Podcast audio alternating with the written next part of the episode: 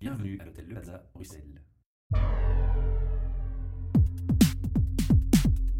Podcast. Welkom voor een nieuwe podcast HR Meetup over en door mensen uit HR. Een project gesponsord door Talent Square, Transforma Brussel en we zitten hier natuurlijk in een fantastische plaats, eh, het Hotel Le Plaza in Brussel. Ik heb hier aan mijn microfoon Bartholomeus Henri van de Velde, maar we mogen gewoon Bart zeggen. Hè? Natuurlijk. Toch, ja, oké. Goed, dat hebben we dus al. Jij bent in het verleden al bij ons geweest om jouw eh, beroep als dirigent voor te stellen. Inderdaad, ja. Ja, en jij komt hier vandaag terug om nog een stukje bij te breien aan uw verhaal. Wel, het leven gaat altijd verder. Hè. Men doet niet hetzelfde in het leven. Ik heb eigenlijk altijd gedroomd van drie delen in mijn leven. Mhm. Ik was vroeger violist en dan ben ik dirigent geworden. En nu wil ik al mijn kennis, met een kleine k, eh, doorbrengen aan, eh, aan andere mensen. Oké, zeg en hoe kom je erbij? Want dat is toch niet echt een logisch parcours, of wel? Wel, ik vind het wel logisch. Waarom is het logisch? Ehm, eh, om het een beetje in geschiedenistermen te vertellen. Wat is een vioolspeler? Ik speelde dus vroeger viool professioneel. Is iemand die een viool heeft in zijn handen. Nee. En mijn, mijn leraar orkestdirectie die zei altijd, wat is een dirigent? Dat is iemand die een orkest heeft. Maar een orkest zo krijgen, dat is niet eenvoudig. Wat heb ik dan gedacht? Dan ga ik er maar bij dirigent entrepreneur worden, dus ondernemer. Mhm. Ik vind ergens het woord entrepreneur mooi. Ik weet Dat niet klinkt chiquer, hè? Dat klinkt chiquer, Ja, voilà. Maar ondernemer in het Nederlands is ook wel een mooi woord. Dus ik ben dan ondernemer geworden in de muzikale wereld. Dus ik heb mijn eigen orkest gaan bouwen en opbouwen en opbouwen en opbouwen. Ik heb dat dus gedaan gedurende 17 jaar. Dus ik was altijd in contact eigenlijk met eh, bedrijven. Directeur van bedrijven werden mijn beste vrienden. En ik werd eigenlijk, terwijl ik aan muziek deed, meegetrokken in het bedrijfsleven. Want ik moest dat orkest eigenlijk wel onderhouden. Een orkest kost ook geld. Heb je dat volledig alleen gedaan? Ik heb dat volledig alleen gedaan. Ik had wel een paar mensen die mij helpten. Maar uiteindelijk is het altijd de dirigent die eigenlijk de la carte de visite, of de, het visitekaartje is. Het gezicht is van Het het, gezicht orkest, is van het ja. orkest en die moet dan op alle vergaderingen aanwezig zijn en die moet dan altijd de opener zijn, zoals ze in het mooi Engels zeggen. En daarmee zijn die, al die mensen dus mijn vrienden geworden. En dan vroegen die mij stilletjes aan zo van conferenties te geven voor hun bedrijven. Mhm. En wat mijn... En eh, conferenties over. Over hoe dat eigenlijk een dirigent werkt en hoe dat ik dirigent ben geworden. Mhm. En in mijn levensloop zien ze echt dus een ondernemer zitten. En dan begint men de vergelijking te maken, wat is een ondernemer in het bedrijfsleven en wat is een ondernemer in cultuur. Ja. Dus ik deed eigenlijk aan muziek en onderneming tegelijkertijd. En zo Mhm. is het eigenlijk stiltjes aan gegroeid. Ik heb zelfs voor McKinsey eh, conferenties gegeven, voor British Telecom. Ja. Enfin, ik kan zoveel bedrijven opnoemen. Mhm. En er was één conferentie bijvoorbeeld dat ik hier heb gedaan in het Hotel Plaza, voor de lijn trouwens, 400 mensen. En er was een coachingbedrijf aanwezig. Die hebben mij horen spreken en die hebben gezegd, kom naar ons. En zo is het eigenlijk gegroeid. Want ik moet u wel bekennen dat ik vroeger eigenlijk niet geloofde in coaching. Stel je voor. en nu doe ik het zelf. Oké. Dus eh, dat is eigenlijk... Ik ben het gaan beginnen te begrijpen. Dus eigenlijk, men is nooit te oud om te leren. Nee, absoluut. Zeg, hoe begin je daar dan aan? Want je hebt dat bedrijf dat, jou aans- eh, dat dan jou aanspreekt en zegt Ja. van kom bij ons, hè, want jij vertelt wel mooi en er zit wel iets achter je verhaal. Ja, Vermoed je moet ik mooi dan? vertellen, hè? Ja, wel, maar ik vermoed dat het, dat, dat een approach dan geweest Ja, dat was ook altijd zo in mijn, in mijn beroepsleven al- al- als, als artieste. Ik heb altijd gezocht naar, naar, naar goede professoren. Altijd. Mhm. ik, ik wacht liever iets langer om een goede professor te of leermeesters te ontmoeten, dan snel iets doen en de professors zijn maar zus en zo. Ja. Dus ik heb altijd gewacht en zoals ik er straks al heb verteld, ehm, je moet soms geduld hebben. Het leven moet je ook doen in een natuurlijke evolutie. Dat is niet zo, nu ga ik dit worden. Dan, dan mis je soms de, de, de energie. Is dat? Ik zeg soms. Nee, Ja. Ik heb niet gezegd altijd. Ik heb alleen gezegd soms. Dus eh, ik ga eerder voor het natuurlijke en ik ben er natuurlijk in gegroeid. Ja. Maar dus mijn, mijn initiële vraag was dan van hoe, hoe start je daarmee? Hè? Dat bedrijf komt dan naar jou toe en dan? Wel, het gaat, dat bedrijf komt naar mij toe. Ze vragen, kun je onze werknemers een boost geven? Kun je jou- jouw verhaal vertellen, hoe dat je dirigent bent geworden? Wel, dan vertel ik mijn verhaal, dan vertel ik mijn life story. En in mijn life story zit vol lessen in. Daar hebben we vandaag geen tijd voor. We kunnen dat op Mhm. een ander moment doen als u dat wilt. Maar heel mijn leven zit vol van coachinglessons, hoe dat Mhm. ik dirigent ben geworden. Dat is, dat is een, een, een, een, een- een loopbaan. Ook een directeur van een bedrijf. Je wordt niet onmiddellijk directeur. Je kan genoeg voorbeelden aanhalen. Mensen die gebombardeerd worden, zoals men dat mooi zegt, tot directeur van een bedrijf, die vallen meestal zeer snel naar beneden ook. Dus je moet niet gebombardeerd worden als een directeur. Je moet dat step by step doen. stap voor stap, natuurlijke manier. Ja. En ik denk ook mijn, mijn ouderdom, mijn leeftijd, maakt ook dat je... Coaching is eigenlijk uit Amerika overgewaaid naar Europa. En coaching was in de oorsprong mensen die iets te zeggen hadden, die een levensverhaal hadden, door te geven aan de jongeren. Dat is eigenlijk de, de, het originele, wat is coaching. En ik denk dat ik een beetje naar de oudere kant aan het worden ben. Eh, en ik vind dat ik eigenlijk mijn ervaringen moet doorgeven aan jongeren en aan wie het nodig heeft. En ik probeer dat nu om te zetten ook meer naar bedrijven toe. Want ik vind ook bijvoorbeeld in onze gemeenschap, vandaag wordt er te weinig gekeken naar kunst. En ik denk echt dat kunst, en er zijn vele essays over geschreven, ook in Amerika trouwens, mensen die bijvoorbeeld hogere studies doen, die daarnaast nog kunst doen, bijvoorbeeld een instrument bespelen of Mhm. schilderkunst, dat moet niet altijd muziek zijn omdat ik in de muziek ben, die hebben meestal betere resultaten in hun studies. En hoe Dat komt dat? Omdat uw, uw eh, hersenvermogen Mhm. Andere wegen inslaagt. Een kunstenaar gebruikt een ander gedeelte van zijn hersenen. Ik zeg niet dat bedrijfsmensen dat niet gebruiken, dat heb ik niet gezegd. Dus Mhm. nooit mijn woorden proberen, of ander- u doet dat niet, maar sommige mensen proberen altijd daar een Mhm. link aan te geven. Artiesten gebruiken een ander deel van hun, van hun hersenpan.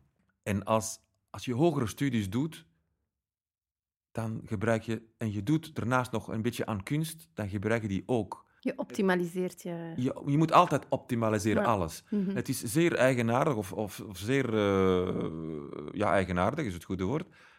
Bij- Bijvoorbeeld, in mijn sponsoringleven, dus entrepreneursleven met het orkest, heb ik altijd grote directeurs ontmoet. En toevallig waren dat allemaal grote liefhebbers van klassieke muziek. Ik zeg, in, in het leven bestaat geen toeval. Eh, dat is niet zomaar, die doen dat niet voor mij. Natuurlijk zijn die meer gaan, gaan zich interesseren voor muziek, omdat ze mij meer en meer persoonlijk begonnen te kennen. Ja. En, en, en er kwam een relatie te groeien. En relatiecommunicatie is belangrijk. Ook in het HR-vermogen of businessmodel. De relatie tussen bedrijfsleiders, eh, DHR, eh, je moet communicatie voortbrengen. En ik denk dat de muziek daar een goede metafoor voor is.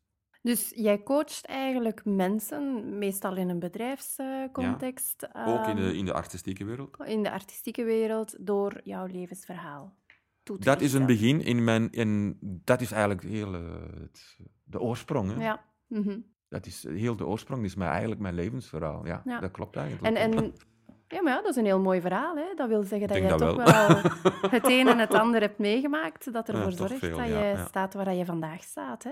En, en ben je nog altijd gelinkt aan, aan die coachingfirma of doe je dat op zelfstandige basis? Kunnen wij, kunnen wij beroep doen? Kan een, een in- individueel iemand beroep op jou doen? Hoe, hoe, hoe werkt dat concreet? Wel, hoe werkt dat concreet? Meestal doe ik het op zelfstandige basis.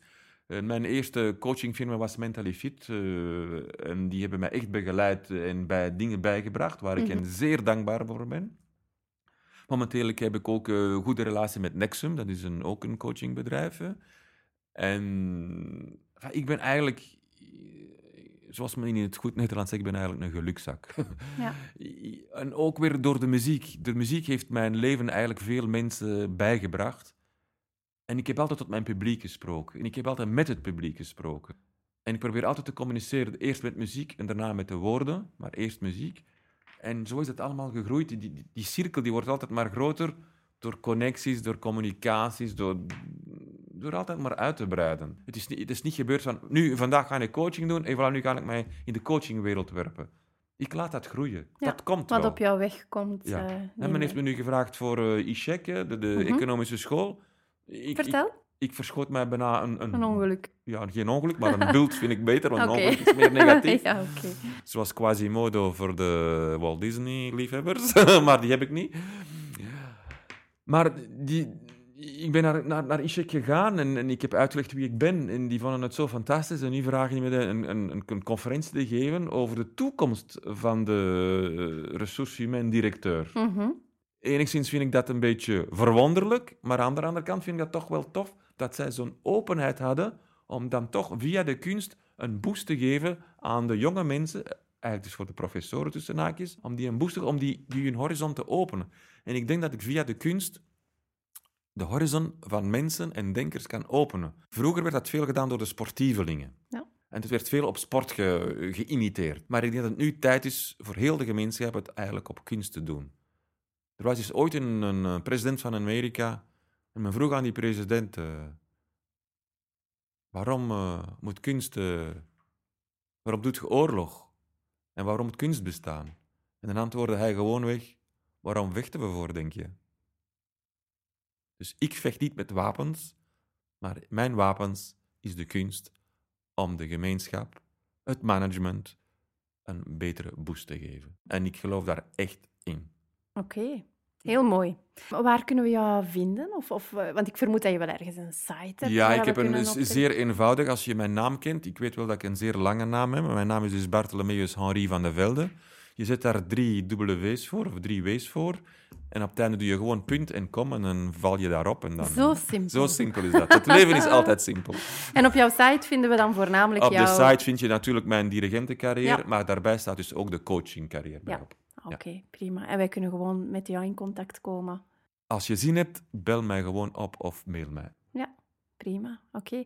We hebben een paar klassieke vragen die we stellen aan al onze eh, mensen die hier aan onze micro komen. Maar ik weet niet of ik een klassiek antwoord heb.